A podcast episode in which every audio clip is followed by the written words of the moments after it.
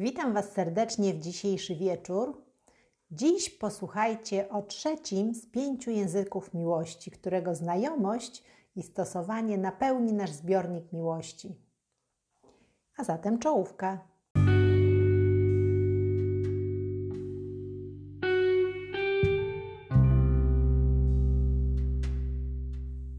To jest podcast Pięć języków miłości, a to jest odcinek pod tytułem Wzajemne obdarowywanie.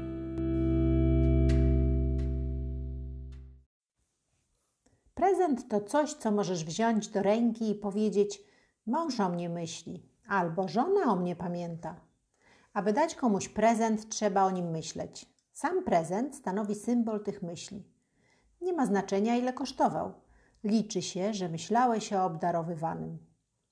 I myśl nie tylko pojawiła się w Twojej głowie, lecz doprowadziła Cię do zmaterializowania podarku i wręczenia go jako znaku miłości.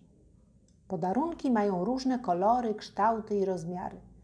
Niektóre są drogie, inne nic nie kosztują. Dla osoby, której podstawowym językiem miłości jest dawanie i otrzymywanie podarunków, niewielkie znaczenie ma ich cena, chyba że znacznie odbiega od tego, na co cię stać. Jeśli milioner wręcza podarunki po dolarze, jego żona powątpiewa, czy stanowią wyraz miłości. Lecz w rodzinie dysponującej ograniczonymi finansami prezent za dolara może świadczyć o, o miłości za milion. Podarunki i pieniądze. Jeśli chcesz, by dawanie podarków przynosiło zamierzone skutki, to być może powinieneś zmienić swoje podejście do pieniędzy. Każdy z nas ma indywidualny pogląd na to, do czego służą pieniądze. Każdy też z innymi emocjami podchodzi do ich wydawania.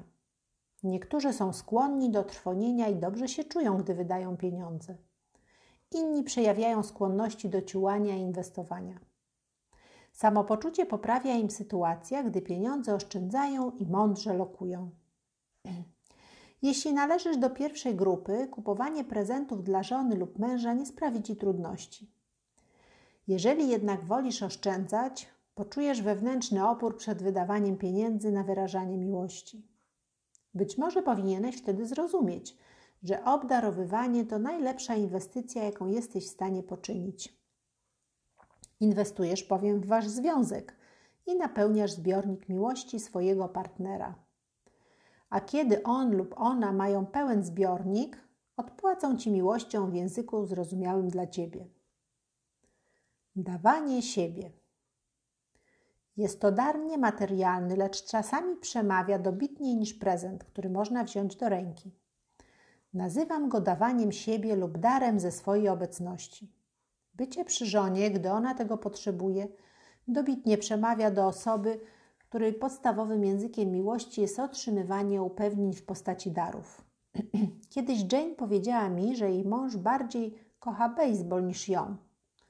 Czemu tak sądzisz? zapytałem. Grał w dniu, w którym rodziło się nasze dziecko. Ja całe popołudnie leżałam w szpitalu, a on biegał po boisku. Był z tobą podczas porodu? Tak, był przy mnie, ale urodziło się dziecko i dziesięć minut później poleciał biegać i grać. Byłam zdruzgotana. Przecież to taki ważny moment w naszym życiu. Chciałam, byśmy przeżyli go razem.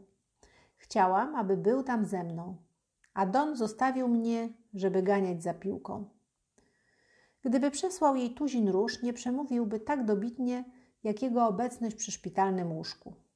Teraz dziecko ma już 15 lat, a Jane opowiada o tym wydarzeniu z takimi emocjami, jakby, przeżyła je zaledwie wczoraj. Przekonanie, że Don bardziej kocha baseball od ciebie, opierasz na tym jednym doświadczeniu? Drążyłem. Nie, nie, odpowiedziała. On poszedł grać także w dniu pogrzebu mojej mamy. Nie przyszedł na pogrzeb? Przyszedł, ale zaraz po zakończeniu popędził grać w baseball. Wierzyć mi się nie chciało. Moi bracia i siostry poszli ze mną do domu, a on wolał pograć. Jakiś czas później zagadnąłem o te dwa wydarzenia Dona. Wiedziałem, że Jane poruszy, poruszy te sprawy, powiedział. Byłem przy niej w trakcie całego porodu. Robiłem zdjęcia, byłem szczęśliwy i nie mogłem się wprost doczekać, kiedy opowiem o tym kolegom z drużyny. A gdy wieczorem wracałem ze szpitala, złapałem gumę. Jane wkurzyła się na mnie Nie wierzyłem, że jest w stanie mówić takie rzeczy. Myślałem, że będzie dumna, że poszedłem powiedzieć o tym kolegom. A kiedy umarła jej matka? Pewnie Jane nie powiedziała ci, że przed śmiercią wziąłem tydzień wolnego i cały ten czas spędziłem pomiędzy szpitalem a domem teściowej, w którym robiłem remont. Po jej śmierci i pogrzebie poczułem się, jakby wolno mi było wszystko. Potrzebowałem chwilę odsapnąć. A że lubię grać w baseball, wiedziałem, że w ten sposób wyluzuję się i odstresuję po tym wszystkim. Sądziłem, że Jane chce, żebym wziął sobie trochę wolnego. Zrobiłem wszystko, co moim zdaniem było dla niej ważne, ale okazało się, że to za mało. Nigdy nie zapomni mi tych dwóch wydarzeń. Twierdzi, że kocham baseball bardziej niż ją. To śmieszne. Był dobrym mężem, ale nie rozumiał, jak potężna siła tkwi w byciu przy kimś. Dla Jane było to ważniejsze niż wszystko inne. Fizyczna obecność w ciężkich chwilach to najcenniejszy, dar, jaki możemy dać partnerowi, którego podstawowym językiem miłości jest dawanie i otrzymywanie darów. Jeśli obecność partnera jest dla Ciebie ważna, to nalegam, abyś wyraźnie powiedział, czy powiedziała o tym. Nie należy oczekiwać, że partner sam się domyśli. Jeśli natomiast ona powie Ci bardzo chcę, abyś był ze mną dziś wieczorem, jutro albo po południu, z największą powagą potraktuj te słowa. Prawie wszystko, co kiedykolwiek napisano na temat miłości, sugeruje, że jej istotę stanowi dawanie. Każdy z pięciu języków miłości wymaga na swój sposób dawania. Lecz do niektórych osób dary, czyli namacalne dowody miłości, przemawiają najdobitniej.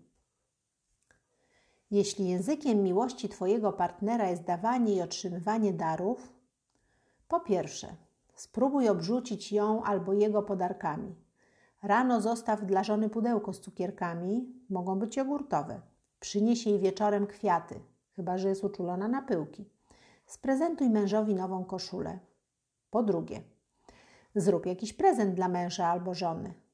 I po trzecie, przez jeden tydzień dawaj mężowi albo żonie prezenty codziennie.